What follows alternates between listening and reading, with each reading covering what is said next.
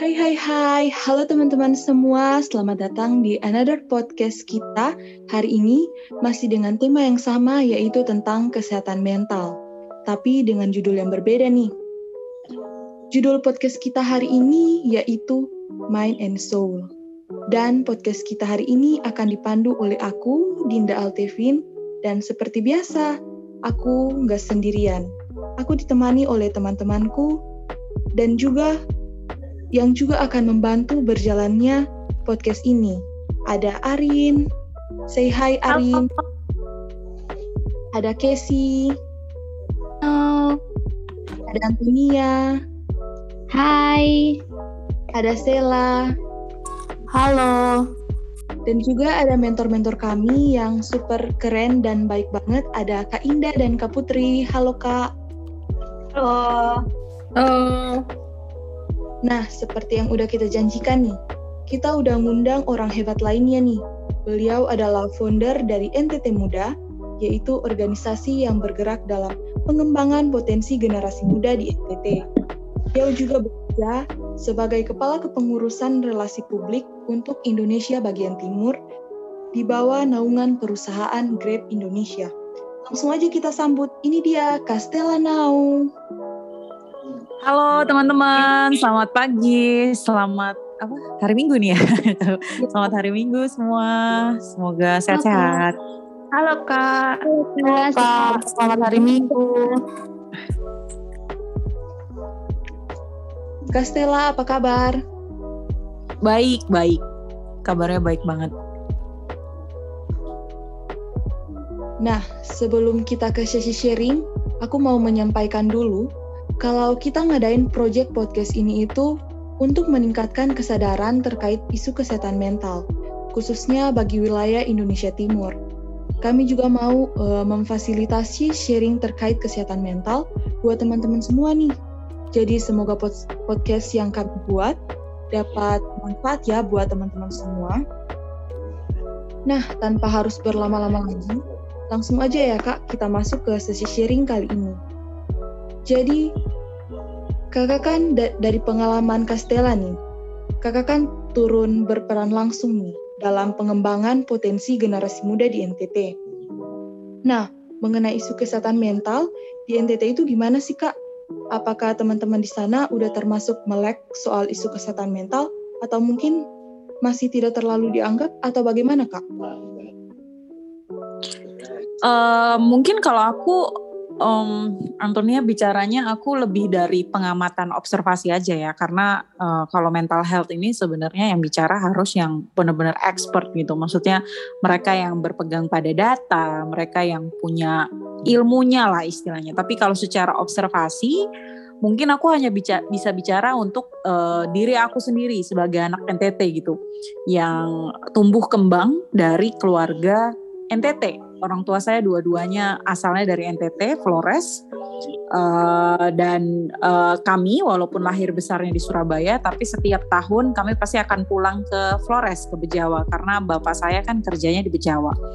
Dan kalau bicara tentang pengalaman saya dari masa kecil hingga sekarang saya sudah bekerja, saya termasuk orang yang mungkin saya aja uh, yang sekolahnya bukan di NTT ya, maksudnya punya privilege untuk bisa sekolah di Jawa istilahnya, eh, nggak uh, banyak tahu gitu tentang isu mental health. Not until saya akhirnya sekarang S2.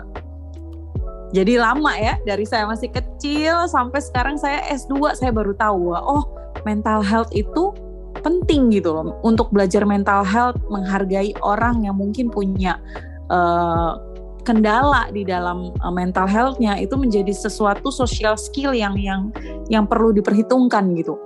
Dan kalau bicara mental health untuk diri saya sendiri, kalau dulu kita ngelihat orang mental health ya, dulu sebutannya karena kita nggak familiar, kita bisa bilang itu cuman buat orang gila gitu. Bahkan perlakuan kita terhadap orang gila itu kan juga saya rasa literasinya masih sangat-sangat rendah ya orang Indonesia ya. Melihat orang gila itu ya disangkanya orang yang unfortunate dan ya memang unfortunate tapi maksudnya um, tidak punya fungsi di dalam masyarakat gitu karena dianggapnya ya sudah dia gila gitu. Padahal sayang sekali banyak banget hal-hal yang bisa kita uh, kembangkan dan bisa kita support, bisa kita berdayakan dari orang-orang seperti ini. Bukan untuk mereka kemudian menjadi sesuatu gitu, tetapi ya sebagai manusia kita juga menunjukkan kepedulian kita terhadap nasib mereka gitu. Padahal mereka kan juga manusia gitu. Itu kita udah bicara konteksnya orang gila. Hal-hal yang kita tahu dulu sebutannya seperti itu gitu. Kalau bicara tentang mental orang-orang tuh selalu berkaitannya oh dia orang gila. Padahal mental health itu nggak cuman orang gila gitu. Mental health itu nggak cuman orang depresi mental health itu simply menurut saya sekarang dari apa yang udah saya pelajari ya nanti mungkin bisa uh, nanya ke expert atau lihat-lihat dari kamus-kamus uh, atau sumber yang kalian baca gitu. Kalau menurut saya dari yang saya baca gitu, dari yang saya pelajari, dari yang saya ngobrol sama teman-teman yang dari backgroundnya psikolog ataupun dokter, mental health itu bagian dari kehidupan kita sehari-hari gitu loh. Kalau misalnya kita terlalu lelah aja belajar gitu, terlalu lelah dan capek gitu, itu artinya punya pengaruh terhadap mental kita gitu. Artinya kita butuh istirahat, kita rest our mind sebentar supaya besok kita bisa refresh lagi. Kadang-kadang kalau kita bersinggungan atau punya beda pendapat sama orang tua, itu juga bisa mengganggu mental health kita artinya kita jadi tidak bisa fokus belajar misalnya atau banyak hal di dalam hidup kita kita tidak jadi tidak berani mengambil keputusan karena karena kita merasa bahwa kita tidak punya kendali dalam hidup gitu loh. Semuanya tuh harus orang yang tua yang memutuskan orang lebih jadi seolah-olah mimpi kita tuh harus ada persetujuan orang lain. Nah, itu kan ada karakter mental di situ. Nah, itu artinya perlu apa ya perlu mengedukasi diri sendiri, perlu banyak ngobrol sama orang, perlu istirahat, perlu olahraga, perlu baca bahan-bahan buku atau bacaan yang produktif. Itu salah satu hal-hal yang bisa membangun mental health kita gitu. Jadi jadi menurut saya banyak faktornya dan saya mulai melihat mental health itu sebagai bagian dari kehidupan sehari-hari, bukan sebagai penyakit ya, tapi itu adalah kehidupan even saya pun sangat peduli dengan mental health saya gitu. Jadi itu sama seperti kayak badan saya, sama seperti kayak uh, apa ya uh, kemampuan saya, otak saya gitu kalau saya lagi belajar gitu ya. Sama seperti ketika hubungan sosial skill saya itu semua ada relatednya sama mental health gitu. So it's not something yang yang very uh, apa ya, very yang harus khusus banget cuman orang-orang tertentu enggak semua orang harus menjaga mental health-nya karena it's part of our daily life. Itu sih. Oh, gitu-gitu ya, Kak. Menarik, menarik. Uh, di sini juga masih masih banyak sih Kak yang beranggapan seperti itu bahwa mental health itu uh, biasanya uh, terkait dengan orang gila atau orang depresi gitu-gitu ya, Kak. Padahal mental health itu juga ada dalam kehidupan kita sehari-hari ya. Benar-benar. Nah, menurut kami pun, kesadaran tentang kesehatan mental di wilayah timur memang masih belum merata sih, Kak. Jadi masih harus terus-menerus disebarluaskan supaya bisa menjamah semua orang tanpa terkecuali ya, Kak. Dan post dan podcast kali ini salah satu upaya kita ya, teman-teman, dalam meningkatkan kesadaran mental khususnya di wilayah timur. Oke, habis sesi sharing kali ini kita bakal tanya jawab juga nih sama Castella. Dan seperti biasa, tanya jawab ini bakal dibacakan sama teman-temanku tadi ya. Silakan guys. Oke, makasih Din. Jadi Kak, kita udah kumpulin beberapa pertanyaan dari teman-teman semua yang udah isi survei sebelum kita melakukan podcast ini. Nah, dan pertanyaannya pada bagus-bagus dan menarik banget nih Kak. Jadi aku langsung aja ke pertanyaan yang pertama ya. Menurut kakak sendiri, penting gak sih untuk menjaga kesehatan mental itu? Penting banget kalau menurut aku tadi yang udah aku sebutin bahwa mental health itu adalah bagian dari kehidupan kita sehari-hari. Mental health itu mempengaruhi banyak sekali faktor dalam kehidupan kita. Seperti misalnya contoh saya cuma bicara dari kehidupan saya ya. Kalau dulu mungkin ketika saya masih kecil karena saya tidak mendapat support system yang bagus dan tidak banyak orang-orang yang terliterasi di sekitar saya tentang mental health gitu ya. Uh, bahkan saya sendiri tidak terliterasi, apalagi orang-orang di sekitar saya juga um, orang tua saya pun tidak terliterasi dengan baik tentang mental health. Baru baru sekarang lucunya kami belajar bersama-sama gitu. Kami sama-sama belajar mengenai mental health gitu karena tidak ada kata terlambat ya untuk belajar. Jadi kami sekarang belajar sama-sama tentang mental health gitu. Bahwa itu sangat mempengaruhi bahkan ketika kita masih kecil gitu. Bahwa ketika anak uh, mengungkapkan pendapat dan menurut menurut sekitarnya itu salah ataupun itu lucu atau itu kelihatan aneh harusnya tidak ditertawakan tetapi justru dihargai bagaimana? Kira-kira kenapa membuat kamu berpikir seperti itu? Apa alasannya? Coba dikasih contohnya seperti apa gitu. Jadi membangun diskusi itu ada sebuah praktek mental health yang bagus. Terus bullying. Bullying itu um, mungkin untuk case-case tertentu kalau dalam konteks kita bercanda itu tidak tidak masalah ya asal ada kesepakatan di dalam sebuah forum tersebut bahwa ini konteksnya bercanda gitu. Tapi kalau memang tujuannya ingin menyakiti atau ingin uh, membuat emosi atau ingin membuat orang lain sedih, itu kan sesuatu yang yang yang sangat mengganggu sedari kita masih kecil. Tapi kita tidak paham bahwa itu punya peran sama mental health gitu. Kita terbiasa terbangun dalam lingkungan yang menganggap bahwa ya sudah itu cuma bercanda gitu loh. Padahal tidak itu mempengaruhi banyak hal dan dan sampai sekarang ya saya terus self edukasi diri saya sih bahwa uh, mental health itu bukan penyakit mental health itu ada dan dibutuhkan oleh semua orang gitu sih Oh iya benar banget kak, aku setuju banget. Soalnya kan dari ceritanya kak Stella itu uh, kesehatan mental kan sangat mempengaruhi kehidupan kita sehari-hari ya kak. Dan ada berbagai cara dan faktor yang dapat mempengaruhi. Terus dari kakak sendiri pentingnya edukasi dan literasi akan kesehatan mental. Soalnya kan kalau mental kita gak dijaga dan gak diperhatiin itu bakal kan menghambat ataupun mengganggu kehidupan kita sehari-hari ya kak. Jadi aku setuju banget sih sama kak Stella.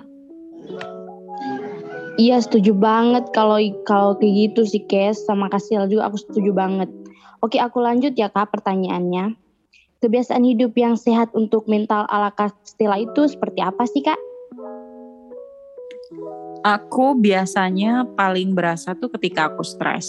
Jadi kalau dulu-dulu uh, stres itu mm, apalagi kalau gagal ya, gagal mencapai sesuatu tuh rasanya aduh merasa jadi orang paling bodoh gitu terus mengutuk keadaan terus kayak menganggap bahwa ah ini udah nggak bisa jadi apa-apa lagi dulu kayak gitu tapi kemudian dengan banyak baca buku, dengan banyak bergaul sama orang-orang yang punya kontribusi positif dalam hidupnya gitu ya. Terus orang-orang yang yang suka baca juga. Rata-rata saya tuh seneng ngobrol sama orang-orang yang suka baca juga. Karena artinya mereka juga orang-orang yang suka belajar kan. Saya suka sekali ngobrol sama orang yang suka belajar. Artinya dia punya kerendahan hati gitu loh. Kalau menurut saya orang yang tidak pernah berhenti belajar itu orang yang yang rendah hati gitu. Karena dia menganggap dirinya tidak tahu apa-apa meskipun dia tahu gitu loh. Jadi dia terus belajar belajar baik itu belajar dari orang lain yang mungkin buat dia nggak ada apa-apanya gitu terutama belajar dari sumber-sumber buku dan segala macam yang ditulis oleh orang-orang hebat gitu. Jadi eh, saya selalu melatih mental saya dari hal-hal itu. Ngobrol sama orang-orang yang menurut saya punya nilai tambah dalam hidup saya, baca-baca buku. Terus kalau misalnya sekarang kalau gagal yang saya lakukan adalah saya diem, tenang, saya tulis di dalam buku harian atau buku apa pun yang saya temukan, perasaan yang saya rasakan, terus kemudian saya olahraga, Lalu kemudian saya ngobrol sama orang yang menurut saya itu adalah mentor saya gitu. Orang yang yang yang saya selama ini tahulah perjalanan hidup saya gitu. Jadi saya cerita dan mentor saya nggak satu ya. Saya tuh punya mentor tuh banyak gitu. Karena menurut saya uh, kalau misalnya saya mau bicara tentang pekerjaan saya ke orang ini kalau saya mau bicara tentang keuangan saya ke orang ini saya jadi saya punya lah mentor-mentor ini yang memang saya selalu bina hubungan baik sama mereka gitu.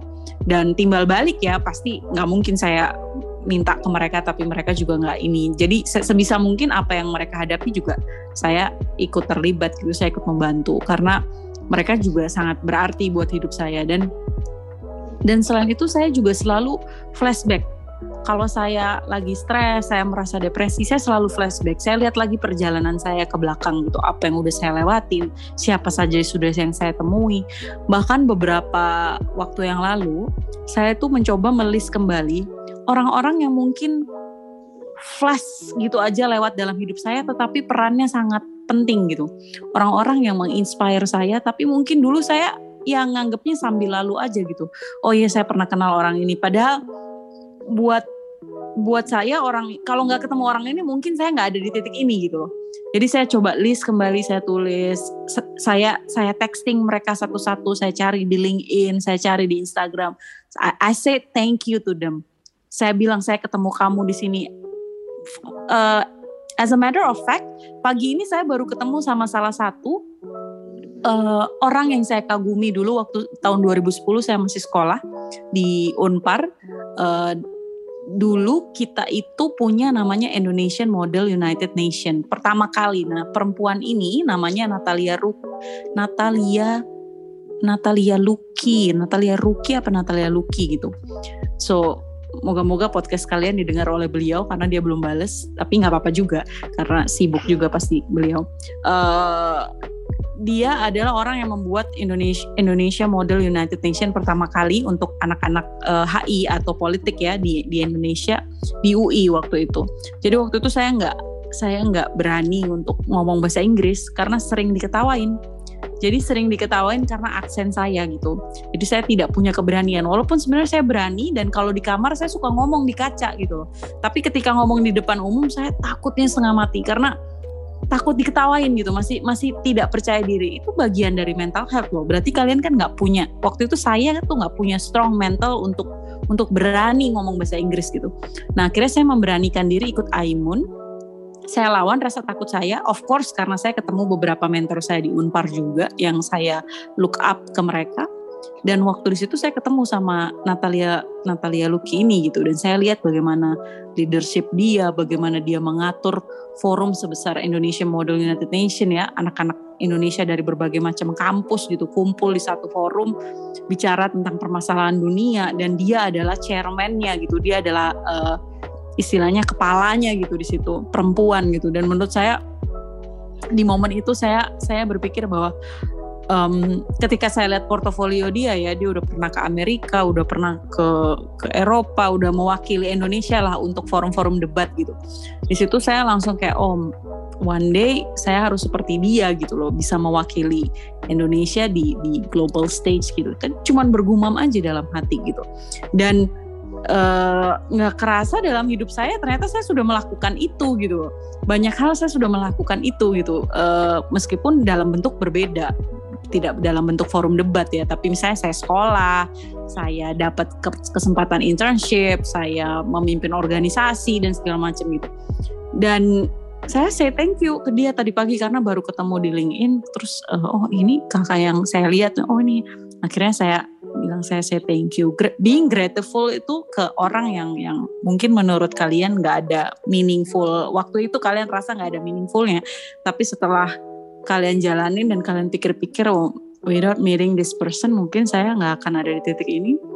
And then say a random thank you doing a random kindness itu juga uh, membantu mental health gitu. Membuat saya jadi kayak semakin tahu arah kehidupan ke depan itu buat diri saya tuh apa. Bukan buat orang lain ya buat diri saya buat kebaikan saya gitu. Jadi ketika kita udah tahu buat diri kita kayak gimana kita mau kontribusi baik buat hidup orang lain tuh lebih enak tapi kalau diri kita sendiri kita nggak bisa bikin bahagia, kita nggak akan bisa membahagiakan orang lain.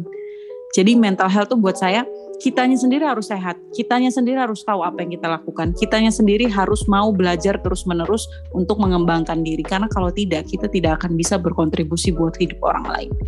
Itu sih. Wah, ternyata gitu teman-teman kebiasaan hidup sehat untuk mental ala Kak Stella. Teman-teman juga boleh boleh banget tuh ya untuk dicontoh dan diterapkan. Iya iya, keren sih tadi ceritanya Kak Stella, benar-benar. Aku jadi termotivasi juga nih. Tip kalau gitu aku lanjut ke pertanyaannya aja ya Kak. Uh, dalam lingkup kegiatan berorganisasi itu kan kita menemui banyak macam orang nih Kak. Pernah nggak sih Kak menemukan orang atau teman yang toksik? Kalau iya, cara kakak menghadapi orang yang seperti itu gimana? Soalnya gak jarang juga nih kak, orang-orang toksik kayak gitu tuh bakal berdampak gak bagus buat kesehatan mental kita. Yes, benar. Aku pastilah ada. Kita kan manusia tidak sempurna. Saya pun pernah menjadi orang toksik mungkin buat orang lain, cuman saya tidak sadar gitu. Jadi semua manusia punya kecenderungan untuk menjadi toksik. Karena kita manusia yang tidak sempurna, kita bukan manusia yang tidak pernah berbuat salah. Saya pun pasti pernah saya garis bawahi, saya pun pasti pernah menjadi seseorang yang toksik buat orang lain. Atau mungkin bahkan buat diri saya tapi saya nggak sadar. Ya kayak waktu itu saya punya rasa takut yang berlebihan untuk mengucapkan bahasa Inggris. Itu kan juga salah satu apa ya trait atau sikap toksik gitu loh buat diri saya gitu. Itu juga toksik jadi toksik tuh jangan cuma dilihat dari membuli atau mengintimidasi atau kekerasan enggak. Toksik itu dari hal-hal simpel seperti itu aja sebenarnya udah toksik gitu. Nah cara saya kalau misalnya saya udah punya pikiran toksik ke diri saya atau saya ketemu orang yang toksik gitu ya orang yang punya mungkin feature yang kurang baik. Jadi saya tuh melihat kalau ada orang seperti itu saya nggak benci orangnya. Saya cuma nggak suka sama sikapnya gitu. Tapi saya tetap baik sama orangnya. Tapi saya cuma nggak suka sama sikapnya. Cara saya adalah ya saya membatasi diri Misalnya ketika saya tahu dalam hal seperti ini dia menjadi orang yang tidak menyenangkan untuk diajak bicara atau berdiskusi. Ya saya tidak membicarakan hal itu dengan dia. Saya membicarakan hal itu dengan orang yang menurut saya bisa membangun pemahaman saya mengenai isu yang saya ingin bahas gitu. Misalnya contoh ketika saya mau belajar tentang bagaimana menabung. Saya nggak akan nggak akan membahas itu sama teman saya yang mungkin simply hidupnya ingin enjoy the world gitu kayak mungkin ya buat dia itu hal biasa kayak dia bilang bahwa ah ngapain sih lu nabung? Hidup cuman sekali kita mesti keliling lu apa gua buat ini buat apa-apa gitu. Nah buat saya kan tidak sepemahaman dan mungkin di titik tertentu karena dia terus-terusan ngomong seperti itu bisa saya anggap juga bahwa oh ini toksik banget. Tidak sesuai dengan apa yang saya pahami gitu visi misi saya. Ya saya memilih untuk kalau ngobrol sama dia ya ngobrol hal-hal yang membuat dia tidak menjadi orang yang toksik gitu loh membuat dia menjadi orang yang kita ngobrol hal-hal yang lebih bermanfaat gitu. Tapi ada case di mana yang yang sudah di tahap akut banget. Artinya mungkin bukan sekedar toksik uh, sekedar feature atau sikap yang muncul kadang-kadang ya. Tapi ini sudah jadi uh, hal yang dia lakukan sering dan setiap hari. Ada juga punya teman seperti itu yang isinya tuh mengkritik negatif dan sering menangis. Pernah juga punya teman kayak gitu. Nah biasanya kalau kayak gitu, selain saya memberikan batasan, boundaries, penting ya, boundaries tuh penting. Dan menurut saya semua orang harus belajar mengenai boundaries gitu. Uh, selain saya memberikan boundaries, saya juga uh, apa ya me, mungkin kalau nggak bisa ngomong langsung ke orangnya saya lewat orang-orang dekatnya dia yang mungkin dia percaya keluarganya kalau misalnya saya kenal dekat sama dia. Atau kalau nggak kenal dekat ya saya bikin boundary saja. Kalau saya kenal dekat ya mungkin saya sampaikan ke keluarganya atau atau ke teman-temannya bahkan ke dia sendiri. Mungkin untuk kayak eh kayaknya bagi, apa yang kamu lakukan di bagian ini kurang pantas karena menurut saya begini begini begini tapi tidak apa-apa kalau kamu tidak setuju silahkan. Tapi menurut saya begini-begini kita agak berbeda nih di dalam hal ini. Tapi tidak apa-apa mungkin kamu punya pemahaman kamu sendiri.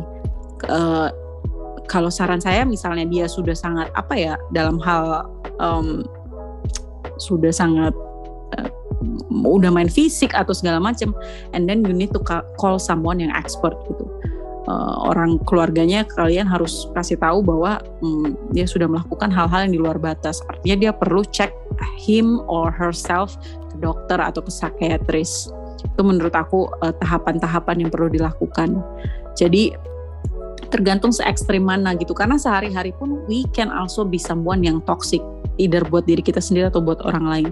Tapi dilihat lagi batasan-batasannya gitu. Kadang-kadang saya kalau lagi seharian tiba-tiba mikir malas itu kan juga toxic gitu loh. Seharian nggak ngapa-ngapain itu juga toxic. But malas can also be something bukan malas ya tapi kayak get rest itu can also be something yang yang good for you. Tapi mungkin buat orang lain kok lu malas-malesan padahal dia nggak tahu bahwa sehari dua hari sebelumnya kita udah kerja kayak orang gila gitu. Jadi uh, menurut saya toxic apa enggaknya tergantung batasan dan itu tadi. Kalian you guys have to learn about yourself setiap saat setiap hari uh, sering-sering bergaul sama orang yang punya vibe-nya positif gitu. Tapi jangan jadi naif juga karena nggak semua hal di dunia ini tuh kalau kita buat positif hasilnya positif nggak juga gitu. Tapi sering-sering uh, bergaul sama orang yang vibe-nya positif tapi juga sering-sering melihat atau membaca hal-hal yang terjadi di sekitar kalian supaya jadi ilmu baru gitu. Itu sih kalau saya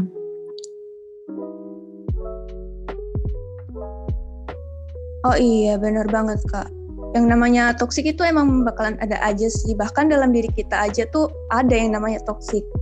Kita harus lihat dari berbagai perspektif ya kak. Tapi kalau dalam konteks lingkungan, tinggal kitanya aja mungkin yang pintar-pintar juga menyaring lingkungan.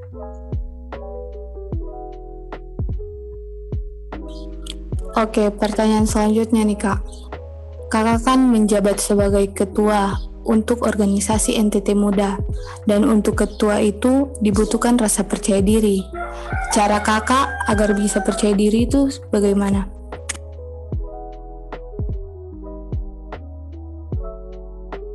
Percaya diri itu proses ya. Percaya diri itu bukan sesuatu yang dibangun dalam semalam. Dan percaya diri itu bukan bukan apa ya, bukan bukan sesuatu yang yang kita kita punya dari lahir gitu. Percaya diri itu harus dilatih, bahkan dilatih setiap saat, bahkan seterusnya mungkin sampai kita tua kita harus terus melatih percaya diri gitu loh. Karena percaya diri itu butuh yang namanya preparation, percaya diri itu butuh yang namanya gagal, percaya diri itu butuh yang namanya berkonflik sama orang, percaya diri itu butuh namanya berdiskusi dengan orang. Jadi percaya diri itu proses gitu sesuatu yang harus kita lakukan committed setiap hari gitu bukan sesuatu yang hanya bisa kita ucapkan tapi benar-benar harus kita lakukan uh, membangun self confidence itu dimulai dari um, kita berani berkomunikasi sama orang sih. Kalau saya gitu ya.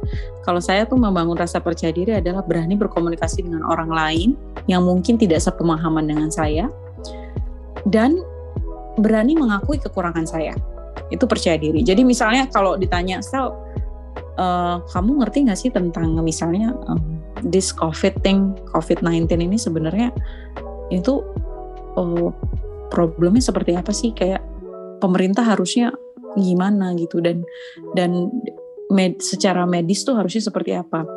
That's totally bukan expert saya dong. Percaya diri itu ya menunjukkan bahwa sorry saya nggak ngerti yang saya baca adalah seperti ini ini ini, ini tapi you need to talk to someone yang lebih ngerti misalnya si ini dan si ini. Kayak tadi yang saya bilang sama kalian mungkin mental health saya cuma bisa bicara dari pengalaman saya yang saya baca dan yang saya pernah obrolin sama orang. Tetapi tetap kalian harus ngobrol sama orang yang expert orang yang lebih paham yang sudah punya ilmunya mengenai ini. Itu bagian dari percaya diri. Karena kalian percaya bahwa yang kalian ketahui itu segini dan kalian percaya bahwa orang lain perlu belajar dari orang lain supaya dia bisa lebih memahami kalian nggak insecure gitu loh. Kalau kalian nggak tahu banyak hal tuh kalian nggak insecure. Itu percaya diri. Mungkin yang kedua saya sering bergaul sama orang yang punya vibe percaya diri juga gitu. Vibe percaya diri itu bukan orang yang nyombong ya bukan yang kayak oh saya udah gini gini gini gini saya udah gini. Enggak. Vibe orang percaya diri itu adalah saya selalu percaya orang yang mau belajar tuh orang yang percaya diri. Gitu. Jadi justru orang yang yang yang merasa bahwa dia kurang dan dia butuh belajar gitu, dia butuh ngobrol, dia butuh baca, dia, itu adalah orang yang percaya diri. Karena dia percaya bahwa ketika dia membaca, ketika dia uh, ngobrol sama orang, ketika dia diskusi, ketika dia sharing knowledge, ketika dia getting knowledge, dia akan bisa gitu, dia akan bisa lebih memahami. Itu orang yang percaya sama kemampuannya karena dia nggak berhenti belajar. Jadi cari orang-orang seperti itu cari orang-orang yang yang bukan ngomongin uh, sekedar prestasi. Nggak apa-apa ngobrolin prestasi tetapi ngobrolin usahanya dia. Ngobrolin bagaimana setelah dia mencapai prestasi itu bagaimana dia kemudian bisa bantu orang lain. Bagaimana dia juga kemudian masih terus belajar untuk untuk bisa mengembangkan diri supaya dia bisa membantu lebih banyak orang. Nah itu buat saya lingkungan seperti itu lingkungan yang sangat-sangat ideal. Nggak gampang kita temui makanya kita harus create sendiri. Kita harus create sendiri uh, our environment yang diisi oleh orang-orang yang punya self confidence gitu. Jadi nggak nggak bisa kalian temukan gitu aja. Oh ini orang-orang percaya diri nggak bisa. Kalian harus create. Kalian harus choosing orang-orangnya. Oh sama orang ini saya harus ngomong ini. Sama orang ini saya harus ngomong ini. Sama orang ini saya bisa belajar tentang ini. Sama orang ini saya harus bisa belajar. And then build the friendship, build the network. Karena ke depan uh, ini masih ada hubungan sama percaya diri ke depan itu kita udah nggak nggak apa belajar itu nggak nggak cuman di kelas gitu. Kalian belajar tuh dari hidup. Pelajaran paling penting tuh di luar kelas. Di rumah ketika kalian berkomunikasi dengan orang tua, dengan teman-teman, dengan mentor, dengan senior, dengan junior di bawah kalian, bagaimana kalian bisa berkontribusi buat hidup-hidup orang ini, itu tuh kalian juga sekaligus belajar mengembangkan diri. Jadi menurut saya percaya diri itu adalah orang yang tidak tahu dia tidak tidak banyak tahu tentang dunia ini tapi tidak pernah berhenti untuk belajar gitu. Jadi menurut saya itu yang harus dibangun sih. Oh, jadi begitu cara percaya diri dari Kak Stella. Aku juga kadang ngerasain yang namanya nggak pede, Kak. Jadi teman-teman bisa buat bisa juga coba di rumah. Mungkin kita bercerita dengan orang yang expert seperti yang Kak Stella bilang tadi. Yes, benar banget, Sel. Oke, Kak, kita lanjut ke pertanyaan berikutnya ya. Uh, aku mau nanya nih, Kak, Kak dalam pengalaman Kakak berorganisasi, berorganisasi atau kegiatan sehari-hari itu kan kita bakal berhadapan dengan berbagai macam masalah yang bikin kita jadi pusing banget. Nah, cara kakak manajemen stres biar bisa lebih tenang dalam menghadapi itu gimana kak? Menghadapi stres itu uh, sama sih tadi yang aku lakukan itu sebenarnya cara-cara aku menghadapi stres yang aku tadi bilang olahraga, aku menulis, aku ngobrol sama orang-orang yang aku anggap bisa memberikan masukan positif dalam hidup aku. Itu cara-cara aku menghadapi stres sih. Dan mungkin yang paling simpel adalah mengucap syukur. Jadi aku mencari hal-hal yang bisa aku syukuri dalam hidup. Itu juga salah satu cara yang uh, mengurangi stres gitu. Uh, itu sih kalau aku. Oh iya benar sih kak, aku setuju. Soalnya dengan cara kita bersyukur kita lebih kayak backtrack kembali lagi ke bagaimana apa yang membuat kita stres itu, kita bisa melihat lagi dan mengevaluasi, mengevaluasi diri lagi. Jadi soalnya kan kalau stres nanti apa-apa yang mau dikerjain itu pasti rasa enak gitu kan kak. Jadi cara-cara dekat selain bersyukur tadi aku juga pengen coba nih.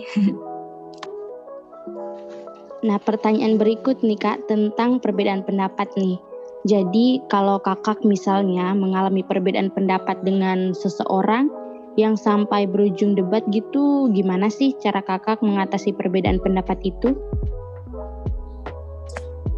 Uh, mengatasi perbedaan pendapat ya dengan menerima bahwa pendapatnya berbeda. jadi nggak ada hal yang harus dibuat sama gitu.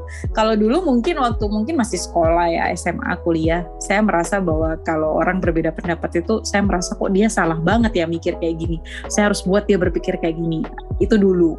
Tapi kalau sekarang even menurut saya itu pendapat dia salah, ya saya tidak memaksa dia harus berpikir seperti saya beda pendapat itu justru bagus. Kecuali dia melakukan hal yang yang yang menurut saya uh, prinsip ya. Menyakiti orang lain itu bukan beda pendapat. Menyakiti orang lain dengan kata-kata itu bukan beda pendapat. Itu itu hal yang tidak baik gitu. Karena itu menyakiti orang lain.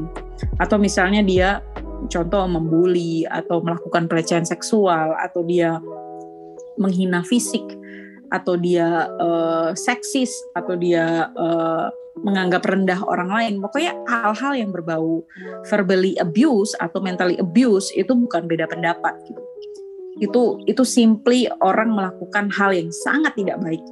Tapi kalau beda pendapat misalnya dia merasa bahwa uh, seharusnya um, gimana ya? Saya kalau ngasih contoh udah terlalu ini yang contoh anak-anak sekolah tuh gimana ya saya lagi coba berpikir uh, misalnya dia berpikir bahwa um, kuliah di di negeri itu jauh lebih baik gitu. Karena bonafit uh, negeri juga tidak memakan biaya yang banyak, punya peluang kerja lebih banyak gitu. Sementara yang swasta berpikir udah nggak zaman milih kuliah negeri atau swasta, yang penting bagaimana kamu melatih leadership kamu, networking kamu sehingga nanti ketika kamu masuk ke dunia kerja, orang udah nggak lihat kampusmu mana, tapi orang lebih lihat skill kamu apa, talenta kamu selama di kampus apa, karena kamu banyak kenal sama orang yang tahu bagaimana kamu ber, belajar di kampus dan berorganisasi di kampus. Nah itu kan dua pendapat yang berbeda, tapi ya nggak perlu sama gitu loh. Jadi tinggal menjalani aja gitu. Kira-kira yang ini menjalani dan dia merasa nyaman dengan itu silahkan. Yang satu punya pendapat itu dan dia merasa dengan nyaman itu silahkan. Tidak ada yang perlu dipaksakan. Menurut saya harus tahu dulu ini beda pendapat atau he's just being a very bad person. Kalau dia being a very bad person ya kalian harus tegur. Apalagi kalau yang disakiti adalah orang lain gitu. Maksudnya kalau yang disakiti adalah diri kita sendiri ya saya biasanya memilih untuk uh, making a boundaries. Ya artinya menurut saya oh dia like, sedang tidak menjadi manusia yang kondusif untuk diajak berteman gitu. Jadi kayak ya udah saya making boundaries gitu. Tapi uh, kalau menurut saya hanya beda pendapat karena beda pendapat itu menurut saya bagus bagus banget. Bayangkan kalau semua orang berpikir bahwa uh, manusia itu agamanya cuma satu mau jadi apa dunia ini nggak akan ada inovasi tapi ketika kita punya keyakinan yang berbeda, kita punya pemandangan hidup yang berbeda, orang tuh mau berinovasi, orang mau mencari tahu, oh dia si ini merasa gini, kok gue merasa B ya, oke gue cari tahu, B ini kenapa bisa seperti ini, atau gue cari tahu juga sih, ah kenapa mikir kayak gitu? karena kan ada perbedaan. Kalau udah sama nggak akan ada lagi inovasi karena orang udah ngerasa sama dan dia nggak akan cari tahu lagi gitu Jadi menurut saya beda pendapat itu penting. Tapi being a very bad person itu another thing. Jadi kalau beda pendapat itu suatu hal yang menurut saya sangat-sangat biasa dan harus dihargai. Oh gitu ya kak. Berarti sama ini juga kayak saya sendiri juga tuh kayak pikir ih, perbedaan pendapat itu harus harus diperhatikan, harus di kayak harus dihindari juga. Ternyata kita harus menghargai begitu ya kak. Iya ya setuju sih kak. Iya, setuju banget sih sama Antonia dan Castella dan nggak berasa nih, ternyata kita udah di pertanyaan terakhir. Dan pertanyaan penutup ini sepertinya semua orang pernah mengalami sih. Jadi pernah nggak kak ada di posisi yang sangat terpuruk dan down banget karena suatu masalah? Nah, gimana sih cara kakak bangkit dari fase down itu? Pernah banget. Aduh, bukan pernah lagi, banyak kayaknya kalau fase terpuruk. Tapi uh, intensitas terpuruknya udah berkurang. Kalau dulu tuh kalau rasa gagal tuh rasanya susah banget. Cuman sekarang ini ya beda ya, beda. Jadi yang mau saya jelasin, misalnya dulu kalau saya tentang pekerjaan atau studi, kalau rasa terpuruk tuh terpuruk banget, kayak susah banget. Tapi makin ke sini udah biasa aja. Jadi kalau gagal lebih ke kayak, oh oke, okay, udah uh, coba lagi atau apa gitu. Tapi uh, kalau beda beda case bisa beda lagi. Misalnya kayak kemarin saya patah hati. Oh itu terpuruknya minta ampun sampai turun berat badan karena merasa bahwa uh, orang orang yang sebelumnya saya percaya ini adalah orang yang yang saya rasa apa ya istilahnya uh, sahabat saya gitu orang yang saya percaya tapi ternyata kita uh, berbeda jalan gitu kecewa dan apa uh, sedih lah sedih. Nah bagaimana cara bangkitnya? Ya itu tadi support system. Tapi saya juga ingin mengajarkan kepada bukan mengajarkan uh, I know nothing. Bukan mengajarkan saya cuma pengen sharing karena mungkin saya pernah ngalamin uh, kita tuh nggak bisa bergantung sama orang lain. Jadi kita harus kuat buat diri kita sendiri even orang tua. Kita tidak bisa bergantung sama orang tua karena orang tua juga punya batas umur sama seperti kita gitu. Jadi kita harus harus belajar untuk self sufficient. Kita harus belajar untuk self regulate ourselves. Artinya apa? Kita harus belajar untuk mengatur diri kita sendiri. Kalau ada hal-hal yang kita rasa itu tidak baik buat kita, kita belajar untuk bilang tidak. Ketika misalnya kayak teman-teman udah tahu nih minggu depan ada ujian gitu, tetapi teman-teman tahu bahwa uh, kalau nggak kal kalian yang tahu diri kalian kan, ini kalau misalnya saya nggak belajar dari sekarang, saya nanti nilainya jelek gitu tapi ada juga orang yang kayak ini nggak apa-apa saya nggak belajar, saya mau istirahat dulu biar refreshing. Saya belajar di hari ini karena saya yakin kalau saya atur begini saya pasti bisa dapat itu nggak apa-apa juga gitu. Tapi artinya kalian tahu diri kalian. Jadi ketika ada orang yang ngajak udahlah main aja yuk nongkrong, ngapain sih? Ya elah ujian nanti juga bisa baca ini ini ini gitu. Nah kalau misalnya kalian tidak punya kemampuan untuk mengatur diri kalian, ya kalian akan terbawa kalian tidak bisa mencapai yang tadinya ingin kalian capai. Kalian ingin nilai kalian bagus akhirnya nggak kesampaian. Karena kalian tidak bisa mengontrol diri kalian. Tapi kalau kalian punya kemampuan untuk mengendalikan diri itu akan membantu sangat membantu uh, kalian mengambil keputusan-keputusan hidup di masa depan gitu. Apalagi kalian masih muda ya teman-teman ini kan rata-rata masih SMA banyak-banyak baca buku self development, buku-buku yang misalnya bagaimana cara berpikir kritis, bagaimana cara berpikir uh, dengan bagaimana cara mempunyai mimpi besar, bagaimana cara membangun hubungan pertemanan yang baik. Banyak baca hal-hal seperti itu. Bagaimana caranya punya kemampuan literasi digital yang bagus, bagaimana caranya berorganisasi, bagaimana caranya membangun sebuah social campaign. Hal-hal seperti itu tuh harus kalian pelajari mumpung umur kalian masih muda. Percaya, percaya mas saya. Kalau kalian belajar tentang hal-hal seperti itu ya di umur kalian yang masih muda, bagaimana cara membangun mental yang kuat gitu. Kalau kalian banyak baca, ini ajaran bapak saya sih, walaupun kami ya nggak terlalu banyak saya sama orang tua saya nggak banyak pandangan kami yang sama gitu. Banyak sekali pandangan kami yang berbeda, tapi hmm, saya menghargai mereka sebagai orang tua gitu, yang memang hidupnya zamannya sudah berbeda gitu dan susah kan untuk mengubah orang tuh susah gitu. Tapi uh, saya selalu percaya bahwa ketika ketika kita mau belajar untuk mengembangkan diri kita, bukan untuk untuk bukan untuk menunjukkan ke orang lain, pasti kita akan mencapai hal-hal yang yang yang tadinya nggak kebayang gitu. Jadi kalau kalau kasih contoh aja nih sebelum penutup dulu saya nggak bisa ngomong bahasa Inggris saya malu banget saya takut dan ketika saya akhirnya berani gitu mengejar mimpi saya untuk bisa ke Amerika dan saya dibiayain karena nggak mungkin orang tua saya ngasih bahkan jangankan ke Amerika untuk ngasih saya uang buat jalan ke Singapura atau sekedar ke negara-negara tetangga aja kayaknya susah karena kami bukan dari keluarga yang punya gitu. Tapi kalau mau dibilang keluarga yang nggak punya banget juga enggak. Tapi artinya saya orang tua saya punya prioritas juga. Adik-adik saya masih harus sekolah gitu. Jadi saya tidak memaksa gitu. Makanya saya berusaha mencari beasiswa untuk saya bisa punya pengalaman mimpi, tuh bisa uh, belajar di negeri orang jadi ketika mimpi itu kesampaian yang saya sadari itu belum saya belum sadar. Uh, jadi saya saya saya tidak sadar bahwa itu saya mengejar mimpi mimpi saya gitu. Tapi kemudian ketika saya gagal LPDP untuk S2 ke Amerika, waktu itu saya mencoba LPDP ke Amerika itu ada ada ada unsur di mana saya melakukan sesuatu itu untuk menunjukkan ke orang lain bahwa oke okay, saya bisa nih S2 gitu. Beda sekali sama akhirnya kemarin saya S2 ke London uh, ke UK itu benar-benar motivasinya karena saya benar-benar menggali oh karena saya pengen sekolah gitu loh.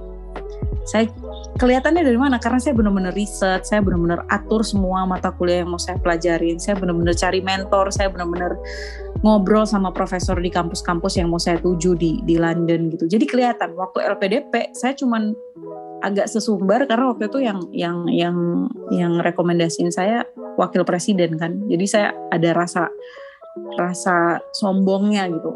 Nah itu tuh itu pengaruh loh teman-teman. Itu pengaruh banget dari proses kalian apa ya membangun mental gitu. Jadi selalu poin saya adalah selalu kenalin diri kalian gitu. Perasaan-perasaan kalian. Oh ini kayak perasaan yang ini kurang bagus deh. Coba saya latih coba saya cari tahu coba saya baca coba saya tanya teman-teman saya apa yang kurang maksudnya yang mungkin perlu saya perbaiki atau orang-orang yang saya anggap mentor gitu. Atau ini perasaannya baik tapi kalian masih takut-takut. Nah itu uh, coba kalian gali gitu. Sering-sering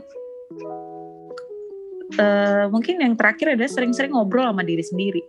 Saya tuh sering banget ngobrol sama diri saya sendiri. Sering banget pagi-pagi bangun itu saya ngomong sama diri sendiri makasih ya udah bangun pagi udah sehat badannya nggak kurang sesuatu apa pun ngomong sama kaki sama tangan sama sama rambut gitu makasih ya udah sehat-sehat nggak kasih penyakit udah apa kuat bagi pandemi kayak gini gitu.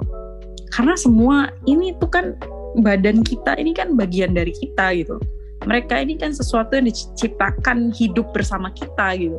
Jadi saya, saya suka tuh, saya ajak ngobrol kalau lagi mandi gitu, saya ngomong sama perut saya walaupun buncit ya, karena jarang olahraga.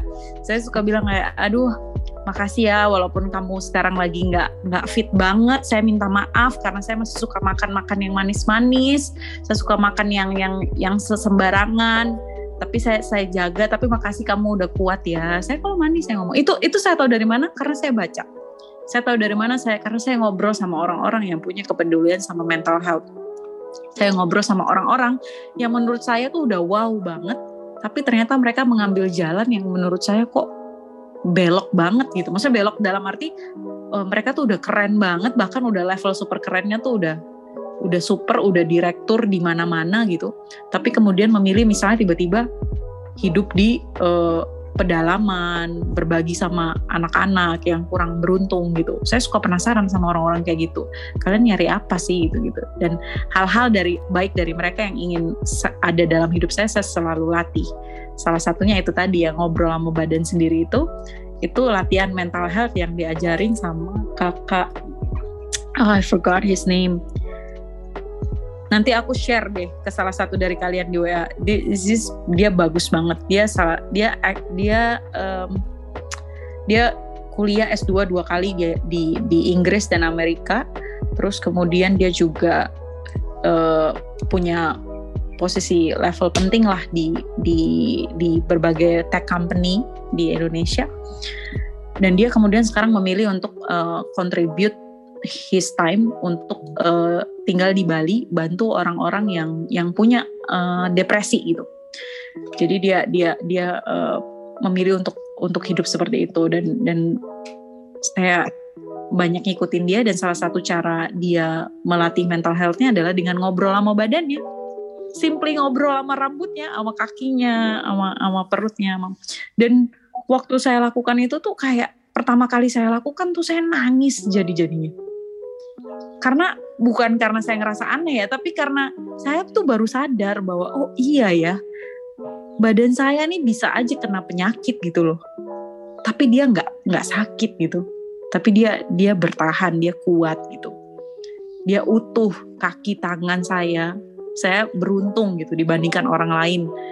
Uh, yang mungkin bukan berarti mereka tidak sempurna ya tapi artinya ya mereka punya halangan yang yang yang nyata gitu. Misalnya orang-orang yang yang yang mungkin uh, apa ke keadaan fisiknya tidak lengkap gitu.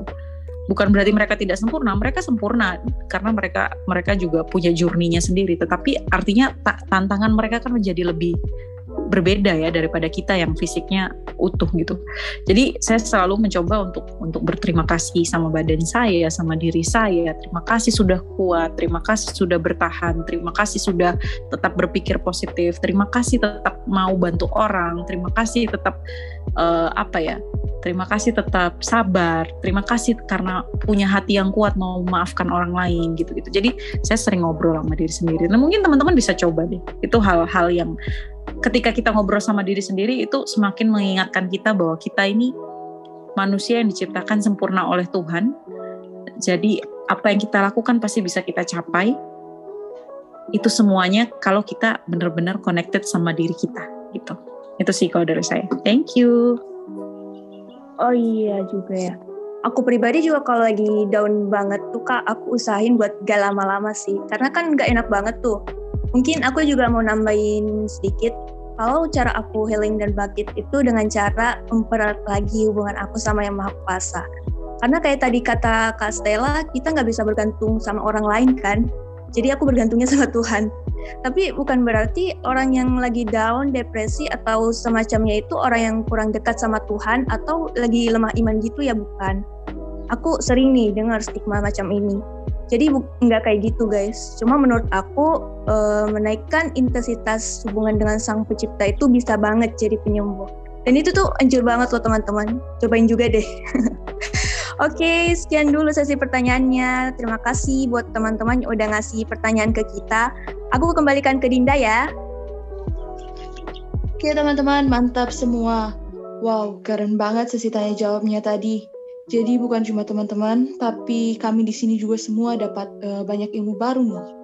Dan juga jawaban-jawaban dari Castella tadi sangat-sangat uh, membangun, membangun ya teman-teman. Dan aku pribadi jujur sangat-sangat termotivasi dengan hidup Castella.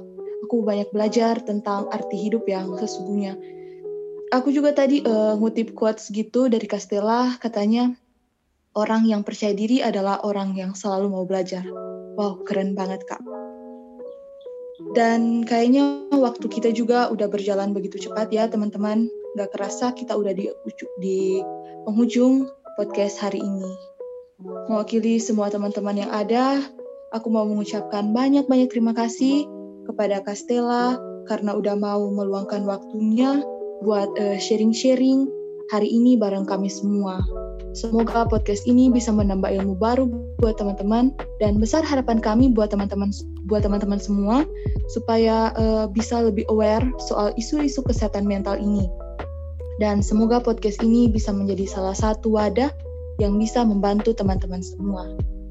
Aku Dinda Altevin, pamit undur diri ya teman-teman. Terima kasih untuk waktunya hari ini. Sampai jumpa di lain waktu. Thank you all, sampai jumpa. Jaga fisik dan jaga mental. Aku nih kita dari kolom deskripsi loh. Together we share and we care. Dadah. Dadah.